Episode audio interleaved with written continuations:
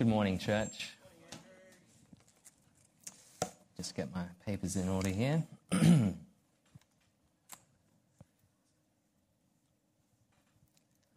my story starts with me in bed at 8 a.m.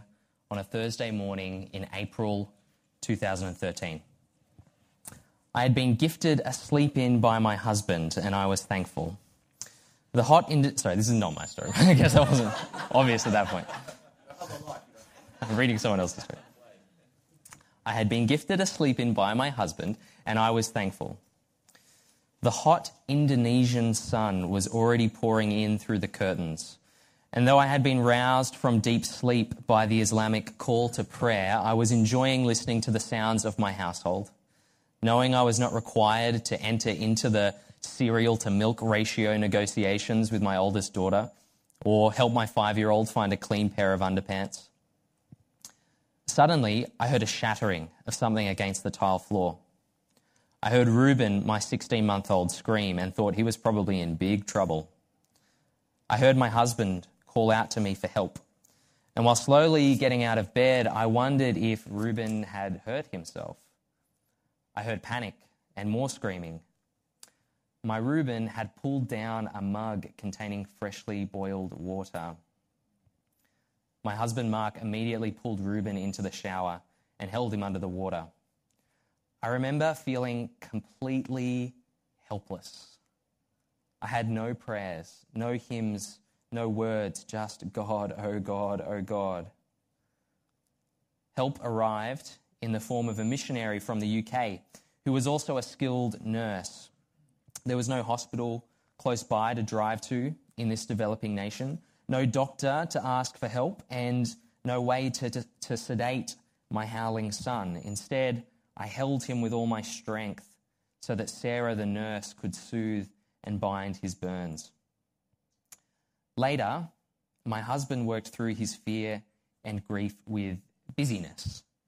He began calling for prayer support and informing our leadership. He contacted family members and insurance agencies.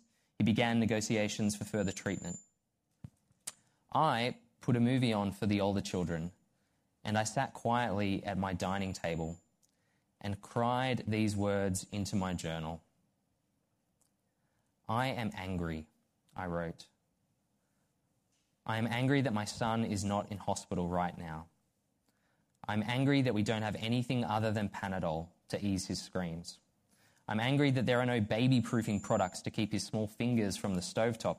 I'm angry that his uncles and aunties and grandparents are so far away. I'm angry I have to search for words in a different language to explain what happened.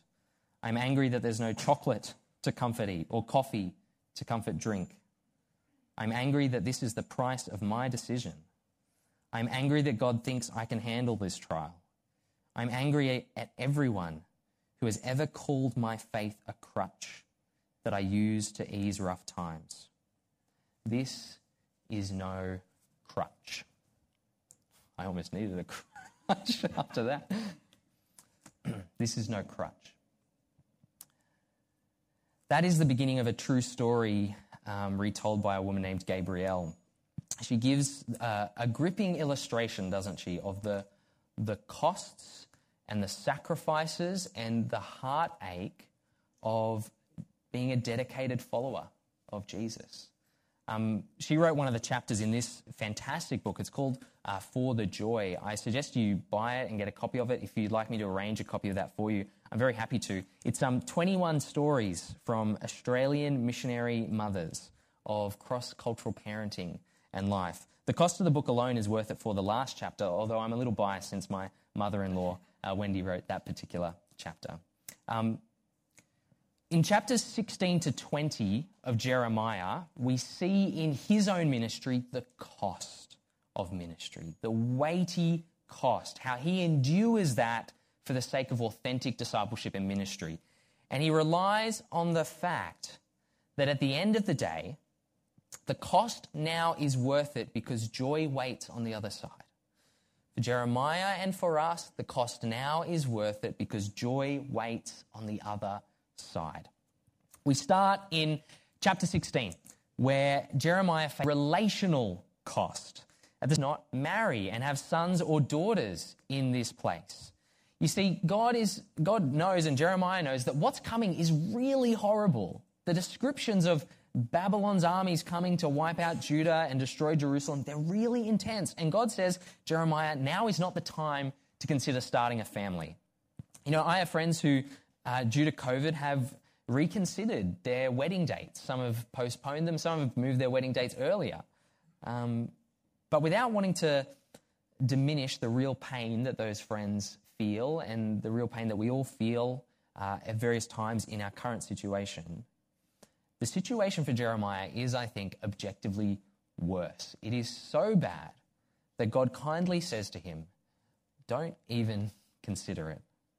It's not the time to be thinking about starting that new uni course or that new job or um, having a kid or downsizing your home. This is a situation of refugees fleeing from war. Jeremiah is also told not to attend any funerals. He's told not to attend any parties, not to go to any weddings. Now, we have a slightly enhanced insight into those kind of restrictions at the moment, don't we? Um, perhaps not entirely taken away from us, but limited in certain ways. I attended a wedding um, uh, back in May this year uh, through a live stream online. Um, for about 80% of the service, the audio did not work at all. So we watched the preacher up the front saying something that I assume was helpful and nice and heard none of it. Um, now, what was really cool is someone who was there at the service, I assume trying to make the tech stuff work, got on the, the YouTube stream and started typing into the chat like a rolling summary of what was happening in the service. So the minister just asked if she'll do this. She said, I, I will. And kind of that was how we experienced the wedding. But it wasn't the same. None of us could pretend it was the same as us being there in the room. There was a relational loss. And for Jeremiah, that's the big theme here. All of his relationships are affected. All the regular rhythms of human life and interaction, Jeremiah is told you can't join in. Now, you wonder how many parties a guy like Jeremiah got invited to in the first place, um, considering how popular his preaching was. But, but that's what he's told. You can't join in.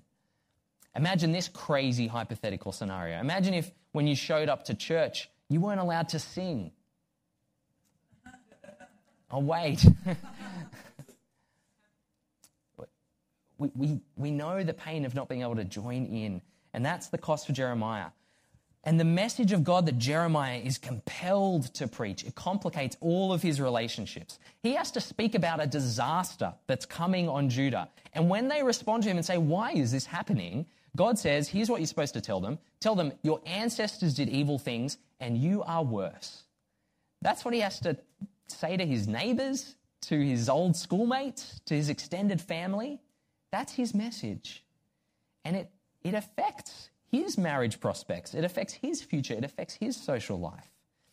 And friends, for us too, there are relational costs to being a true disciple of Jesus. There can be tension between parents and children. There can be tension between siblings. In, in some cases, being a, a true disciple of Jesus may narrow a person's marriage prospects to virtually nil. It will affect all sorts of things our finances, our egos. You know, last year I heard a lecturer from a, a theological college talking about the cost of ministry. He said in his talk that just a few months prior, he'd heard, sorry, he'd heard that just a few months prior, a student he had taught, that he'd taught ministry to, who'd returned back to the Middle East to continue with his ministry there, had almost certainly been beheaded. There's a cost to following Jesus. Why would we put up with this? Well, God gives Jeremiah a compelling answer to that question. He says, The cost now is worth it because joy waits on the other side. There is a cost now, but dramatic salvation is coming. God promises that to Jeremiah. One day soon, there's going to be restoration. There's going to be people rightly worshiping God, and not just people from Judah, not just ethnic Jews, but people from every nation. And friends, the relational cost for us now, it is worth it too. Because as Jesus said in Mark 10, I assure you that everyone who has given up house or brothers or sisters or mother or father or children or property for, this, for my sake and for the good news will receive now in this time a hundred times as many houses, brothers, sisters, mothers, children, and property, along with persecution, and in the world to come, that person will have eternal life. The relational cost is worth it because joy waits on the other side. The next chapter, chapter 17 of Jeremiah, introduces an emotional cost for Jeremiah. Here, God hones in, he puts the human heart under the microscope, and he, he examines Jeremiah's and Judah's and our own hearts. One of the most recognizable and famous icons of the, the Walt Disney franchise is the song When You Wish Upon a Star, written for their adaptation of um, Pinocchio. If you had to guess when Pinocchio was written, when, when they produced that Disney movie, when would you guess? It was 1940, I read the other day. It's old. 1940. Sorry, I don't mean to offend anyone. It's, that's like a millennium ago, right? when you wish upon a star, makes no difference who you are. Now, this song has a notoriously large range, so I'm not going to try sing the high part. Anything your heart desires will come to you. Such a lovely idea, isn't it? Wouldn't the world be a wonderful place if all our dreams and our heart's desires came true? Well, if we're just thinking about our noble desires, then perhaps. But sometimes our hearts hate people. They want other people to suffer. Sometimes our hearts want things that belong to other people to be our things. Sometimes our hearts desire dumb things. It's not, it's not just that we're complex beings. Our hearts are stubborn and they're selfish sometimes. Now, don't get me wrong, pursuing things that, that bring you joy and worrying less about others' expectations, sometimes there is some wisdom in that thinking. But to Jiminy Cricket, God says this through Jeremiah. He says, The heart is deceitful above all things and beyond cure. Who can understand it? As one wise man once, one wise man once put it, what the heart loves, the will chooses, and the mind justifies. The things that our hearts love, our wills decide to go after, and our minds justify the decision. We like to think that we're rational, right? That we make our choices based on rational thinking. But so often the strength of our heart's desires steers our will towards certain things and we justify and find reasons for it afterwards. It's so true, isn't it? How many times have you wanted to do something deep down and so you've produced a little justification for it in your head? Oh, I don't really want to go to that uni lecture tomorrow. And it's raining outside and I've been working really hard lately. I, I deserve a bit of a break. You know, I, I really want to buy that new device. And, you know, now that I think about it, the one I'm using at the moment, it's, it is feeling a little bit sluggish, I suppose. And my tax return just came in. Why not spend that on me? Now, sometimes missing that lecture or, or buying that device might be a wise decision, and many times it won't be. Sometimes our hearts are stubborn. And, and often our hearts actually desire things that, that we really would not want other people to know about. Now, grasping this truth, friends, it is so hard because it goes against everything we want to think about ourselves. We are wired to think well of ourselves. We instinctively excuse ourselves. Without a moment's hesitation, we are all able to explain how the circumstances have made us look worse than we actually are. We are experts at explaining how our actions they look much worse than they really are.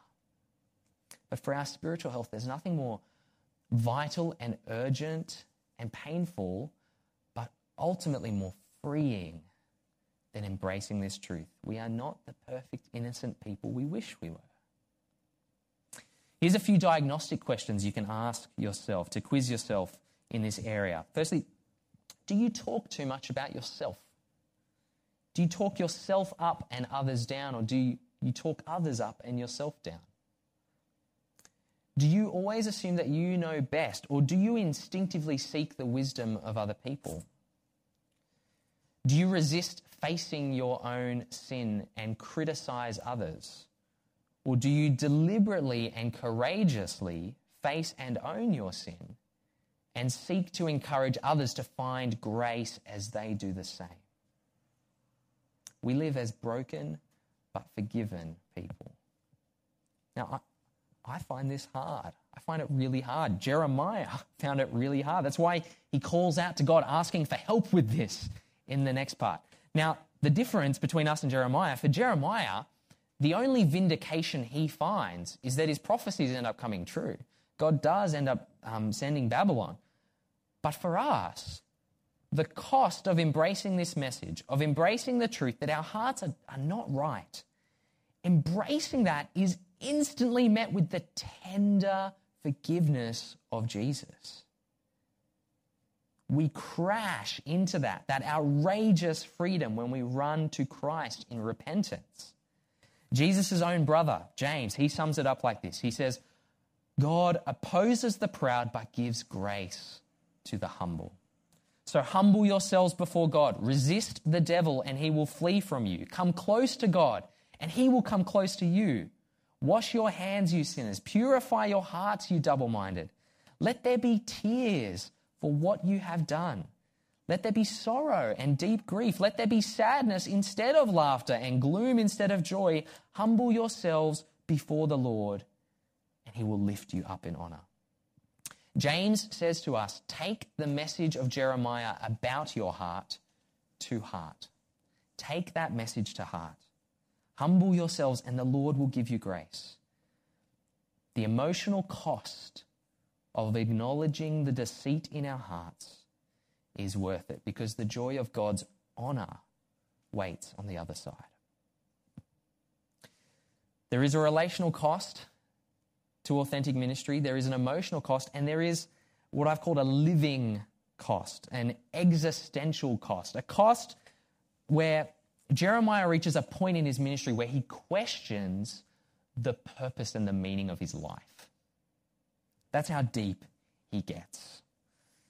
You see, Judah goes from ignoring Jeremiah's prophecies to actively attacking him. In the reading, we heard about Pashhur, the head of security at the temple, the kind of chief warden at, at the church, who um, uh, goes out with the rest of the wardens and has Jeremiah beaten up. And then he locks him up in stocks near one of the gates at the entrance to the temple as this kind of public shaming ceremony. This will teach him a lesson, he thinks. Now, understandably, after this event, Jeremiah is not particularly happy. And um, he has some of his deepest moments of despair here. He starts his complaint to God in verse 7 of chapter 20 with this You deceived me, Lord. Jeremiah seems to say something that is wrong. They say you should never meet your idols, right? You should never meet your idols. I used to play a lot of cricket when I was younger. Um, I played at a fairly high level. I was, I was a leg spin bowler. And uh, my dad and I would often go to, go to matches, go to games. One day we were at North Sydney Oval. Uh, I think it was a domestic game. And it wasn't, North Sydney Oval is not a particularly big oval. Um, and uh, I was particularly excited because one of my idols was there, Stuart MacGill, And um, he was uh, lining up to buy a hot dog or something in the lunch line. Um, and um, Michael Slater was there as well, and he was like chatting with the kids and signing bats and things like that. And um, I really wanted to go talk to MacGill. And there was another boy there who was a little braver than me who went up before me and asked MacGill for an autograph. And MacGill, not particularly busy, not engaged in any sort of conversation, quite rudely told the boy to go away. And there was this kind of like a boo from the from the people watching around. He was quite ashamed. Um, every time I saw MacGill's face in interviews on TV after that, it just looked like there was a permanent scowl kind of fixed on his face. This picture of my hero was tarnished. Now, Jeremiah has been an inspiring example of faithful ministry in the face of opposition. And here he says, God, why have you deceived me? I think, I don't think God has deceived him. I think he misspeaks here. God has not deceived Jeremiah. Shouldn't God's prophet know better than to say something like this? Well, if we go reading the Old Testament just for examples of heroes to copy, we will very quickly be confused and disappointed, won't we? Plenty of times, God's chosen people, the ones he sets aside to lead and to teach, they make mistakes. They're not perfect. Yes, they're often positive examples to us, but sometimes those heroes are not so heroic. And it's at that point we, we, we receive a helpful reminder that there's only one human hero in the story of the Bible, only one man who never misspoke, only one man whose theology never got wobbly, and that's Jesus. There's only one Savior. Um, that said, I think it's helpful this is recorded in our Bibles because we see even God's prophet here is struggling to understand what God is doing in the world we see a raw emotional outburst from Jeremiah. And that's good because it gives us permission to say similar things to God. We need that. In just a few uh, verses later, Jeremiah says, All of his friends, not just his enemies, all his friends are waiting for him to slip. It's the image like a, a politician who's being constantly scrutinized and viewed uh, so that, you know, whatever they do today can become the headline in the Jerusalem Times tomorrow, right? Don't bite that onion, Jeremiah. Don't stick your finger in your ear during question time, Jeremiah, right? Um, Jeremiah, under that pressure of constant scrutiny, he curses the day of his birth. He is weary of life itself. But in the midst of that, he is able to not just